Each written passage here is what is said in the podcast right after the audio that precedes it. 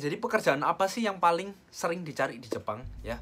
Jadi eh, pekerjaan di Jepang yang paling rame ya itu pertama animator ya. Yang kedua mangaka ya.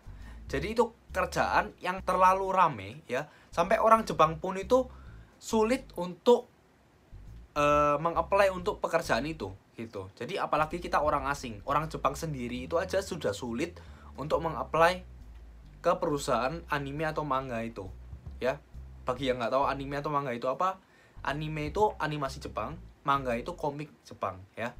Gitu. Jadi orang Jepang sendiri itu susah apalagi kita orang asing. Nah itu karena terlalu banyak yang meminati pekerjaan itu gitu. Nah di bawahnya seiyu. Jadi seiyu itu apa? Seiyu itu em, aktor suara untuk mengisi suara di anime-anime atau film-film Jepang itu. Oke, jadi semoga ini menjawab pertanyaan kamu. Silahkan share bila ini membantu dan jangan lupa untuk subscribe Pocket Newsroom.